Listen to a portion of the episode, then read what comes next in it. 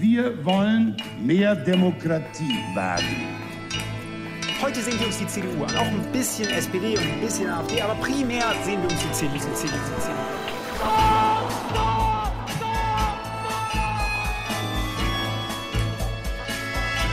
Niemand hat die Absicht, eine Mauer zu errichten. Ich weiß, ich habe heute Morgen in den Spiegel geguckt und dachte, jetzt sind die Hotte Bitch. Werden schon in wenigen Jahren blühende Landschaften, blühende Landschaften geworden sein. Früher waren wir Lametta. Wir haben so vieles geschafft, wir schaffen das. Halli, hallo, velkommen til Tyskerne episode 132 med Ingrid Brekke. Og Kai Schwind. I dag snakker vi om årets største miljøkonflikt som utspiller seg i bygda Lutzerat. Året er jo fortsatt ungt, ikke sant? så det er til nå den største. Og vi spør hvorfor tysk reklame er så dårlig. Og Ingrid har med seg en Best siden sist. Da får du vite noe om Konrad Adenauer, som du neppe visste fra før. Men først skal vi altså til Lutzerat, som har hatt stor plass i tyske medier de siste ukene. Hva er dette, Ingrid? Jo, altså det er jo en eh, miljøkonflikt, og Lützerath er en bygd i Nordrhein-Vestfalen. Og dette lille stedet har blitt symbolet på tilhengere av brunkullutvinning og motstandere mot det. Og greia er at RWE, som er det nest største energiselskapet i Tyskland, har kjøpt et ganske stort område hvor de skal utvinne brunkull. Brunkull heter det, ikke kulv. Kull. Kull. um, og allerede er andre bosetninger i dette området revet og delvis gjenoppbygd eh, andre steder. Så det er egentlig et prosjekt som har pågått i snart ti år.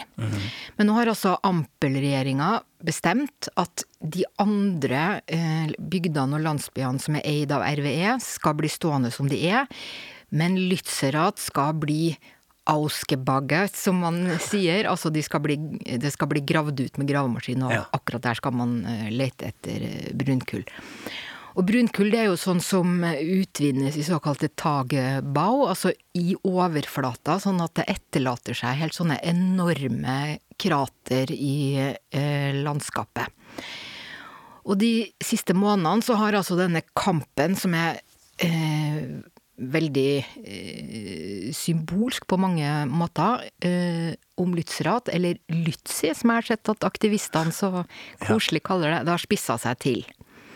I praksis så er dette stedet nå ubebodd, bortsett fra at eh, en del av aktivistene faktisk har bodd der i to år. Delvis har de tatt i bruk ubebodde hus, og delvis har de bygd sånne trehus, eh, altså sånne hus i trærne, Ja. sjøl. Det ser egentlig litt sånn romantisk ut, Ja. nesten litt sånn koselig når de bor oppi trærne. Men hvem er disse aktivistene? Jo, jeg vil si det er en salig blanding. Altså det, det er organisasjoner som Ende Gelände og Alle Døffe Bleiben, altså alle landsbyer må bli. Hvor det er en del eh, mer sånn, hva skal man si, eh, borgerlige mennesker og eh, kristne og eh, en hel rekke forskjellige mennesker som er opptatt av det eh, av mer sånn lokale grunner, i Ja. tillegg til selvfølgelig miljø og, og sånne ting. Ehm, så der er det folk som vi ikke kanskje vanligvis forbinder med sånn klimaaksjoner og sånn. Og så er det selvfølgelig de, de vanlige, altså Fridays for Future, og selveste Greta Thunberg var jo på besøk i forrige uke. Og det er Extinction Rebellions, og det er også uh, Scientists for Future, og ganske mange flere. Og de klarte jo også å arrangere en ganske stor demonstrasjon. Um, De selv sier at det var minst 35 000, politiet sier at det var 15 000. Eh, Og den kom eh, ikke lenge etter den såkalte Dag X, som da var den dagen da RVE begynte å, å rydde eh, området, altså 11.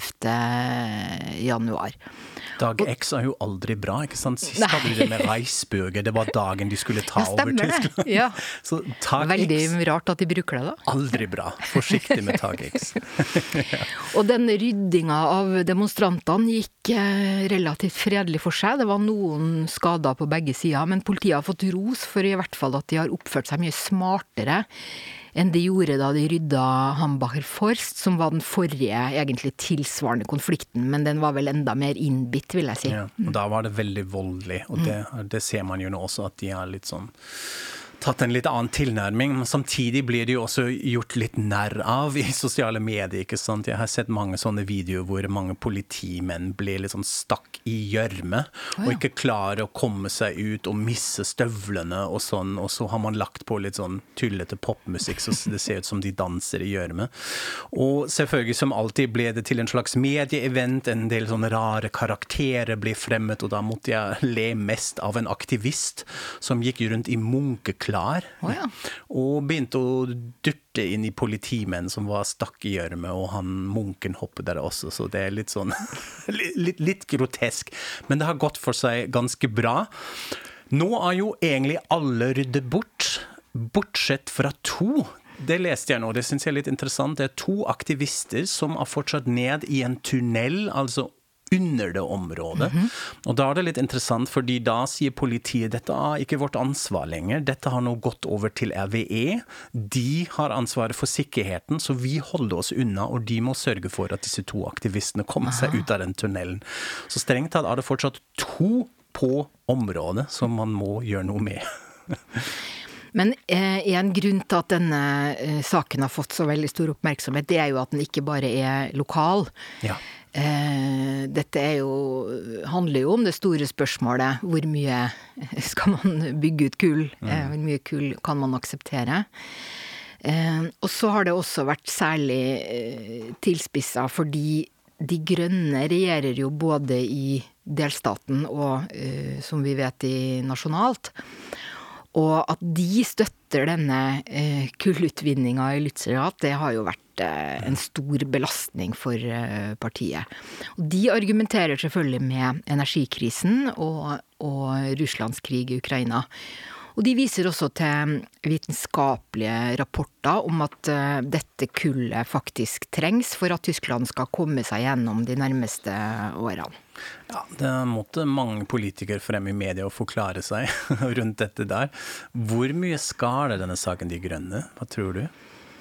Altså, mitt inntrykk er at, ganske mange, eh, også grø, altså grønne velgere, da, kjøper eh, argumentene deres.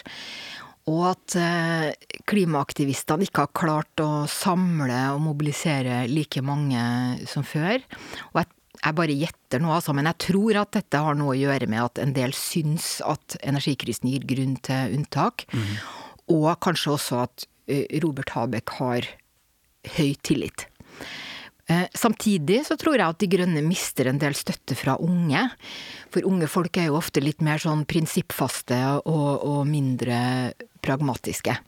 Og hvis man ser på meningsmålingene, så har De Grønne eh, mista kanskje ett prosentpoeng den siste måneden, men de ligger fortsatt et stykke over eh, det de fikk eh, i valget, da. Okay.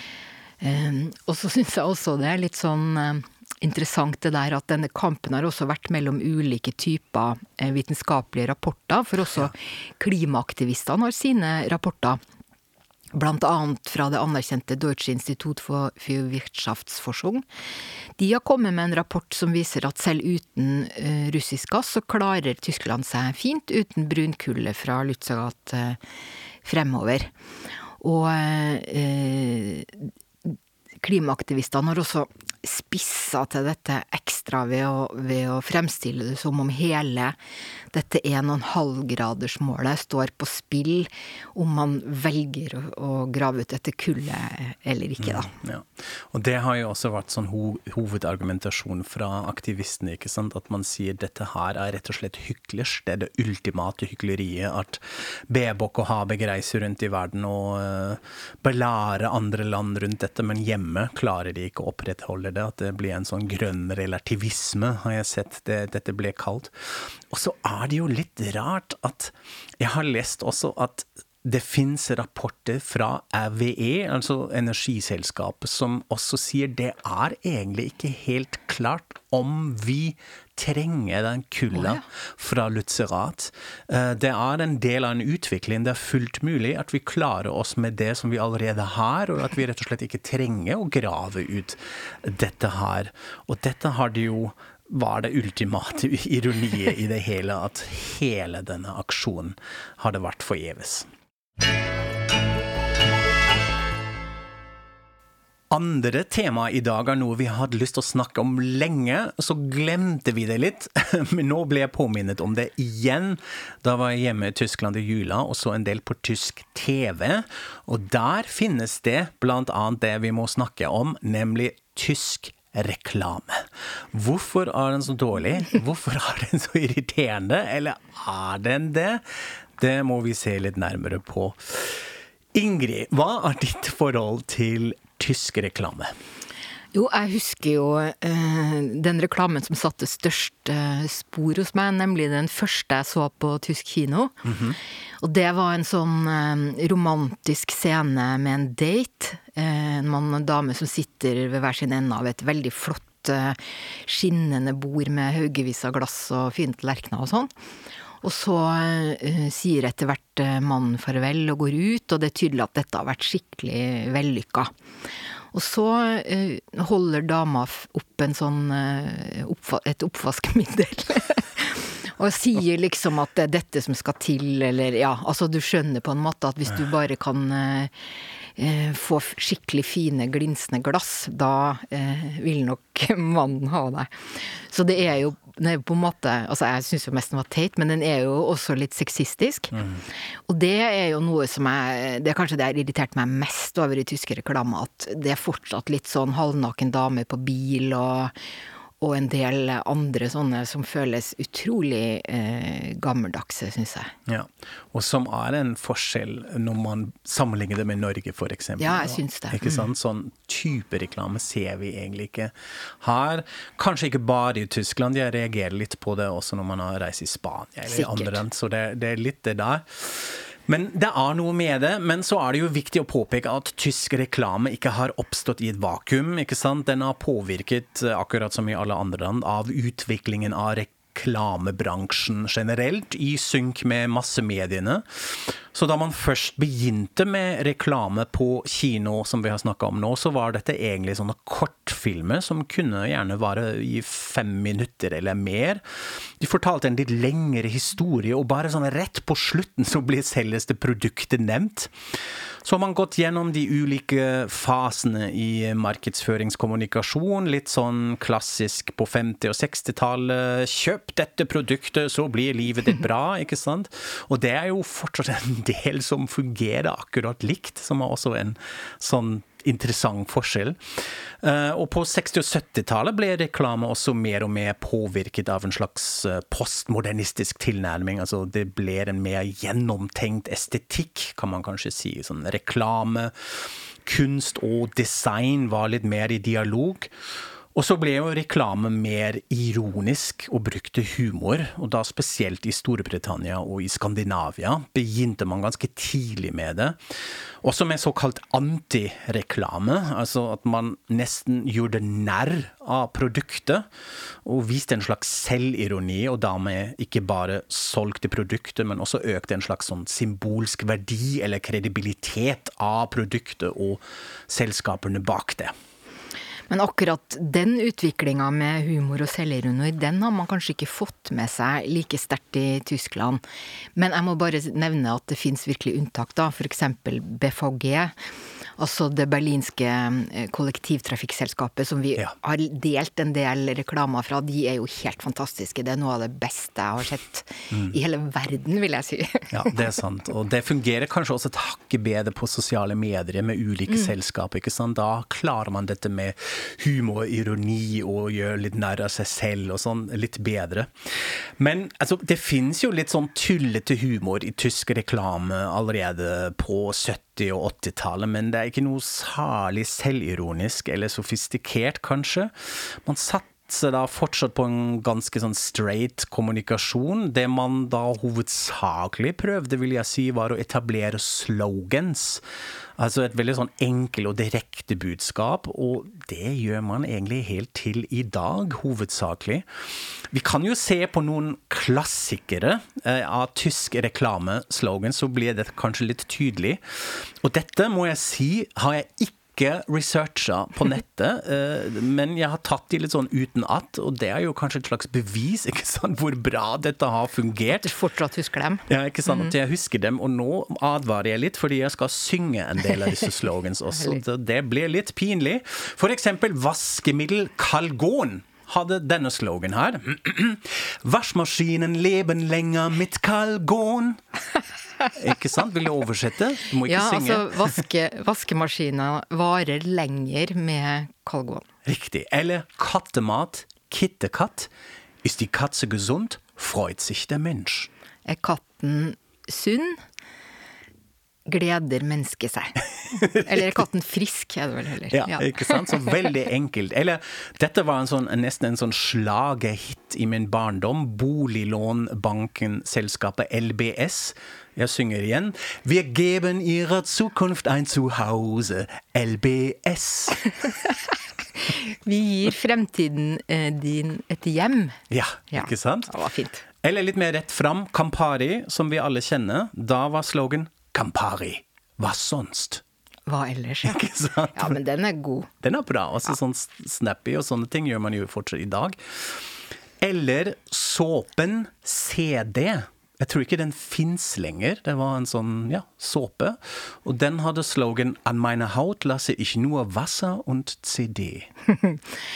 Jeg tillater Nei. eh, På huden min får bare komme nær vann og CD. Ikke sant? Det er litt rart. Det er litt, litt krø mer krøkkete på norsk, men veldig snappy på tysk. Eller fruchtsverge. Dette er en sånn yoghurt til barn. Eh, sånne små yoghurter som egentlig er full av sukker og veldig usunt. Og de fikk slogan 'Så wertvoll wie ein kleines steak'. Ja, det er rart. Like verdifull som en liten kotelett. Ja. Det er kjemperart. Ja. det prøvde man masse på, på 80-tallet spesielt, at man egentlig litt sånn helsevaska, er vel hva jeg skal kalle det, egentlig super usunne produkter, altså sånn Nutella eller Kindersjokolade eller Kinder Maxi her i dag, sånn med er milk og sånne ting, altså det er bra med melk og sånne. Men vi, det, er jo sånn, det er jo berømt også hvordan sigaretter pleide å være sånne helse... Ja. ikke sant? Mhm. Det hadde vi jo i Norge òg, det der at eh, hvor sunt det er med en røyk på, når du går fjelltur og sånn. Ja, ikke sant? Så det har man jo slutta med, men allikevel. Jeg har to til her. Skal jeg synge en til? Fordi Ja. dette har vi prata om om ikke eh, så lenge siden. Episode 128 snakker vi om Haribo Gummibæsjen, som nettopp ble 100 år. Og dette er en veldig kjent eh, sloganlåt som alle kjenner i Tyskland. Haribo macht Kinder froh und Erwachsene ebenso. Haribo gjør barna glad, og også de voksne. Ikke sant? Alt er veldig rett fram. Det samme gjelder ost fra Nederland, som fikk sin egen låt og reklamerepresentant. Frau Antje bringt käse aus Holland. Det var altså fru Antje som kom. Kom med ost fra Nederland. Riktig. Ja. Jeg kan jo nevne et par av mine eh, absolutte favoritter, Ja. da, som også er internasjonalt kjent. Det er jo Das Auto. Volkswagen som bare Altså, det å bare si det. Bilen. Ja. Du trenger liksom ikke noe mer. Nei, det det er er perfekt. kjempeelegant. Ja. Ja, Og så er det jo selvfølgelig kvadratisk praktisk godt. Som er sjokoladen Rittersport. Ja. Det er også utrolig bra, altså, det, det å, å si kvadratisk, praktisk og god, som om det er det som eh, du er opptatt av med en sjokolade. Bortsett fra god, kanskje. Ja, men den, den syns jeg er helt perfekt, og det var eh, en, en tid hvor jeg brukte dette som en sånn slags um, ironiindikator, at man testet det med venner, hvorvidt de syntes at dette var litt morsomt, og fordi det går jo ikke an å være mer klisjé-tysk og uh, reklamere for en sjokolade med kvadratisk, praktisk god. og så hvis da en venn sa ja, men det er jo veldig praktisk, for du ser, den har litt sånn firkant, da tenkte jeg ja, ja, ok, greit, Gle- gle- glem det. Så Du strøk på testen. du strøk på testen. Veldig morsomt, jeg må fortsatt le av dette. Men sånn apropos uh, Frau Anche, dette er jo også noe man har gjort veldig mye innenfor tysk reklame. Altså å etablere karakterer som representerer produktene. Eh, for eksempel Herr Kaiser fra forsikringsselskapet Hamburg Mannheimer. Eh, Den fantes en kjent person eh, som heter herr Kaiser, som alltid blir ropt til fra gata av kundene sine. 'Hallo, herr Kaiser!' Og så vinker han tilbake, og sånn. Så skulle det være en veldig sånn jordnær, tilgjengelig forsikringsagent. Eller, det har jeg sett litt på igjen nå nylig, og det er veldig, veldig artig, Tilly, en manikyrdame, som mente at det var veldig viktig at kvinner brukte palmoliv som oppvaskmiddel, fordi den var så myk og skånsom for hendene. Så disse reklamespots slutta alltid med at hun sa «Sie baden gerade ihre Hände drin». Altså, dere, bade, dere har hendene inni en skål med palmeoliv, og derfor er det så myk og deilig. Så hun var veldig sånn dømmende mot, alle disse hausfrauen, men anbefalte da palmeoliv. Og så er det en helt fra barndommen min, kap, ka, kaptein Iglo, Captain Iglo, som eh, kommanderte et skip fullt med barn som fikk Iglo fiskepinner til lunsj. Eller, og den er kanskje muligens litt eh, kjent i Norge også, den sveitsiske bestefaren i reklamespots til Milka-sjokoladen. Dette er denne lilla sjokoladen. Som har på seg solbriller og sier at sjokoladen er It's cool, man. Og han fikk også sin egen poplåt på 2000-tallet, som faktisk kom på hitlistene. Når du forteller nå, så tenker jeg jo at eh, kanskje tysk reklame var litt mer sjarmerende før, eller? Ja, det var det jo muligens, ikke sant. Altså, her sitter jeg og synger sånne slogans, og øh, det er gøy. Og det er jo, er jo også ganske interessant å se hvordan reklameslogans har blitt til faste uttrykk på tysk, ikke sant. Altså, da selges det Boris Becker, uh, lagde en reklame for internettprovideren AOL på slutten av 90-tallet. Så så man han alltid sittende ved en uh, PC, og så skulle han logge seg på, og kom på, og så sa han bin ich schon drin, oder was? Uh, og dette har blitt til et ordtak som egentlig brukes til i dag, ikke sant? som har gått over i dagligtale. Uh, eller slogan fra banken Sparkasse, hvor man ser to menn som skryter av hva de tjener og hva de har fått til i livet og sånn. Så han ene legger tre fotografier på bordet og sier 'mein Haus', 'mein Auto', 'mein Boot'. altså huset mitt, bilen min og båten min. Uh, og alt dette har blitt sånne referanser som alle kjenner til i Tyskland, og som dukker opp på tvers av populærkulturen også til i dag. Men noe som jeg også syns er veldig påfallende med tysk reklame, i hvert fall hvis man ser på Das Erste, altså NRK, tilsvarende NRK1, det er helt ufattelig mange reklamer om uh, legemidler og medisin. Ja.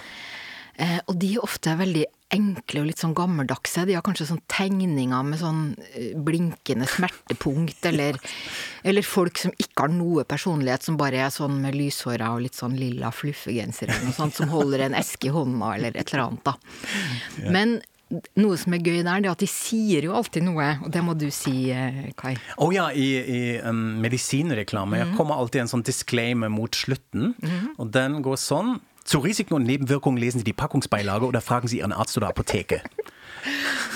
Altså, altså, for risikoer og bivirkninger, les pakningsvedlegget, eller spør din lege eller apoteker. Ja. Så det er en sånn lovpålagt disclaimer som man må ha med, og siden reklame betales jo et eh, sekund, så må man gjøre det så fort som mulig, eh, og den kan alle i Tyskland, at man har den uten at Det er eh, utrolig bra, altså. Det tok så lang tid før jeg skjønte hva det var de, de sa for noe, da. Mm. Men hvis vi nå tenker oss at det stemmer, da, at det er et eh, ganske lavt nivå i tysk reklame. Hvorfor tror du det er sånn? Altså, det jeg sier nå er litt slemt, men siden jeg er tysk, så tror jeg jeg har lov å si det. Altså, for meg er dette en del av tyskernes lavterskelforhold til trash-kulturen, ikke sant? Vi har ikke noen særlige forventninger til hva vi får presentert som reklame. Dette er for oss rett og slett del av lavkulturen, vil jeg si. Så har vi heller ikke lagt så mye vekt på denne koblingen av reklame og kunst som man har i andre land, syns jeg. Og ikke det med humor og ironi heller. Altså Selveste humoren i reklame ligger ofte litt sånn i repetisjon, eller at det er litt grotesk, litt overdrevent og sånn, men ikke selvironisk. Og hvis de da i tillegg har en sånn catchy jingle som du kan klappe til på én og fire, så, så har vi med. Jeg tror det er noe med det. Men hva med mitt inntrykk av at uh, tysk reklame også fortsatt er mer sexistisk, i hvert fall enn i Norge? Jeg tror det er sant, og det har jo ofte å gjøre med også at det er store selskaper som uh, bruker, gjenbruker reklamespots på tvers av de store europeiske landene som da bare blir dubba i ja, så det er ikke spesifikt tysk, egentlig? Det, Det er mer si. europeisk? Ja. Jeg ser litt sånn samme litt sånn heteronormativ helvete og klisjeer også i Spania og Italia og i Frankrike, eh, og da også i Tyskland. Selv om man har en liten forandring da, det må man jo eh, si med, med tanke på gamle kjønnsroller og sånn, og også dette man begynte med sånn 20 år siden som man kalte for gay vague advertising. Altså at det plutselig var sånn to menn som står på kjøkkenet sammen og lagde mat sammen, og sånn, uten at man liksom sa det rett ut hva Ja. greia var. Da begynte vi i Tyskland også. Jeg husker at det fantes Holga og Max som lagde fiskepinner fra Iglo også, tror jeg. Eh, og da har man også blitt litt mer rett fram, at det er veldig tydelig. Ok, dette her er et homofilt par, og kanskje de har også barn. Herregud. Og sikkert ja. Ikea òg, har man Ja. vel i Tyskland nå, at de er ganske langt framme Ja, på det. Mm. det er det. Så man får jo også en sånn globalisert innflytelse også på tysk reklame. Så dette har man. Men iblant er det jo helt hårreisende hvordan ulike selskaper bommer. Og da var det f.eks. Volkswagen, bilmerket Volkswagen, som fikk masse omtale om en helt sånn hårreisende rasistisk reklame. Jeg vet ikke om vi burde lenke til den på Facebook-siden, fordi den er så fælt. Da er det en, en svart mann som går rundt en Volkswagen-bil, men blir litt sånn dulta av en stor, hvit hånd som kommer ut av lufta og litt sånn skyver den rundt og til slutt litt sånn knipser den bort i en sånn husinngang. Det er sånn veldig grotesk. Ingen skjønte helt hva det skulle bety. Jeg tror at egentlig Volkswagen prøvde å vise litt sånn diversitet eller mangfold med å bruke en, en svart karakter. Men så blir det jo katastrofalt katastrofal utfall når man bruker en sånn stor, hvit hånd som da eh, trakasserer denne stakkars mannen. De burde bare holdt seg til Das Auto. Ikke sant? Ja. Bare rett fram og lettere. Så er det jo også en litt sånn corny ting at tyskerne er litt kjent for å bruke mye engelske slogans i reklame, ikke sant? Uh, mye mer enn her, vil jeg si. Og det fungerer ikke alltid så bra. Min favoritt er en sånn misforståelse av slogan til parfymeriet Douglas. Alle som har vært i Tyskland har sikkert sett det. Det fins i alle gågata, altså en sånn parfymeributikk. Eh, og de har slogan 'Come in and find out'. Og i en undersøkelse fra Der Spiegel svarte 20 at dette må jo bety at man skal komme inn og så finne veien ut igjen, ikke sant? Så dette fungerer ikke alltid så bra. Men hva er den aller verste reklamen noensinne, da, syns du? Ok, egentlig uten tvil en radioreklame fra musli-selskapet Zeitenbacher. eller Zeitenbacher, som jeg burde si. Da er det sjefen selv som reklamerer for det, og egentlig bare gjenta navnet til selskapet. Eh, og i en viss periode hadde de også et barn med, som sa, fordi det skulle være bekreftende 'lekka, lekka, lekka, lekka, lekka', lekka. Og hvis du hører det flere ganger om dagen, har du lyst til å skyte deg selv og etterpå herr Seitenbacher. Så dette var helt katastrofalt. De holder fortsatt på med dette. Oh, ja. Fins til i dag. Så det har blitt en sånn brand, ikke sant, at man gjør det.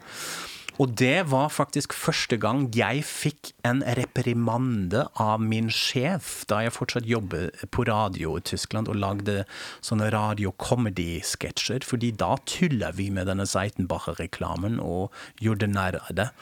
Og så ringte telefonen min, og så sa han herregud, dere må trekke denne comedy-sketsjen med en gang, fordi Seitenbacher er en av hovedsponsorene til radiostasjonen. Wow. Det får dere ikke lov til. Og på det tidspunktet var jeg fortsatt litt ung og tafatt og sa jo, ok, greit, da trekker vi den, den spotten der. så advares ikke hør på tysk radio fordi Seitenbacher-reklame kan plutselig dukke opp.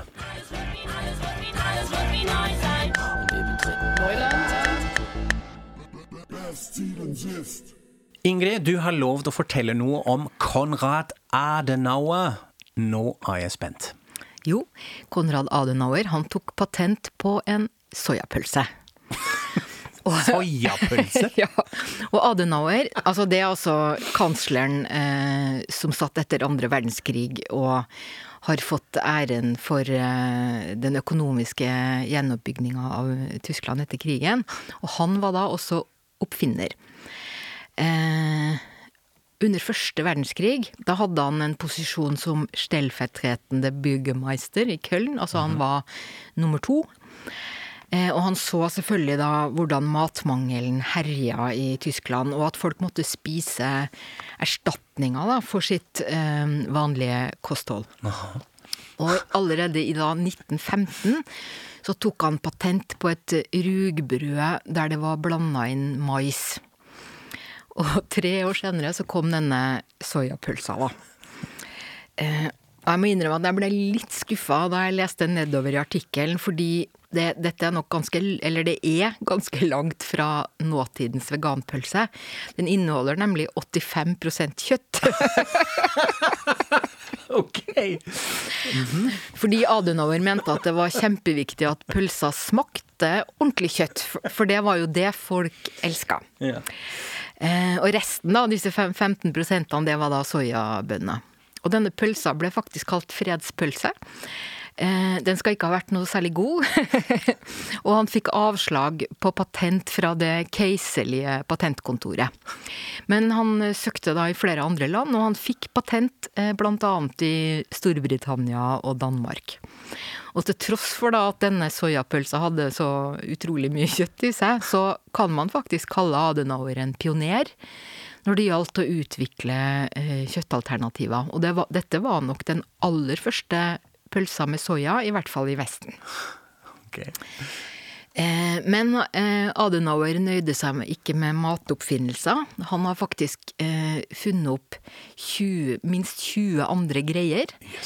Blant annet et stoppeegg. Altså det er sånn når du skal stoppe sokker eller noe, så, så har, har du en sånn halvrunding eller sånn du liksom tar hullet over, da. Med lys. Å ja, det er jo veldig Det er praktisk. ganske lurt. Ja. Eh, og en timer til nattbordslampe. Sånn at hvis Ja. du sovna, så eh, slo lampa seg av av seg selv. Mhm. eh, og en elektrisk insektdreper som eh, jeg leste om i magasinet Forbes, og de skriver altså at dessverre var den like farlig for brukeren som for insektet. Ok, da var det kanskje litt, litt vanskelig. For en fantastisk Best siden sist. Jeg har et helt nytt blikk på Konrad Adenauer Ja, etter. Da er vi nesten ferdig, bortsett fra én ting. Ingrid, hvor gammel ble vi i år? Å ja, vi blir fem år. Ikke sant? Det er jo et rundt tall. Fantastisk. Vi begynte faktisk i 2018 med denne podkasten. Og her sitter vi fortsatt og skravler, og dette er jo noe vi må markere. Så vi skal straks ha vår jubileumsepisode. Den pleier vi å gi, eh, gi ut den 18. februar, fordi det var da vi begynte. Og sånn skal det være i år òg. Og da tenkte vi hm, vi må gjøre noe. Og det vi gjorde sist, er jo at vi spurte dere, kjære lyttere, om å sende inn spørsmål. Er det noe dere lurer på? Noe om oss, noe om podkasten, eller temaer, ting dere har lyst at vi snakker om? eh, ting vi skal gå inn på, så send gjerne dette til oss. Enten via sosiale medier, vi finnes jo på Facebook eller på Instagram, da kan man sende oss meldinger. Eller bruk e-posten vår, den funker jo også. Tyskerne podcast, podkast med K, at gmail.com. Tyskerne podcast at gmail.com. Ja. Og vi er jo ikke flaue for å be om pengegaver til vår femårsdag. Så enten dere vil bli støttespillere på Patrion, det er en ordning som sikrer oss eh, kontinuitet, og som vi er veldig glad for alle som blir med på. Eller hvis dere heller vil vippse, så har vi også et nummer dere kan bruke, nemlig 61 99 44. 619944. Og det er da eh, min bedriftsvips, så der dukker mitt navn opp.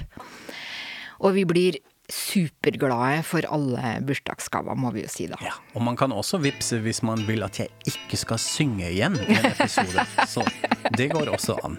Da runder vi av med vårt nye slogan 'Tyskerne kvadratisch praktisch gut' og sier auf Wiederhören. Auf Wiederhören.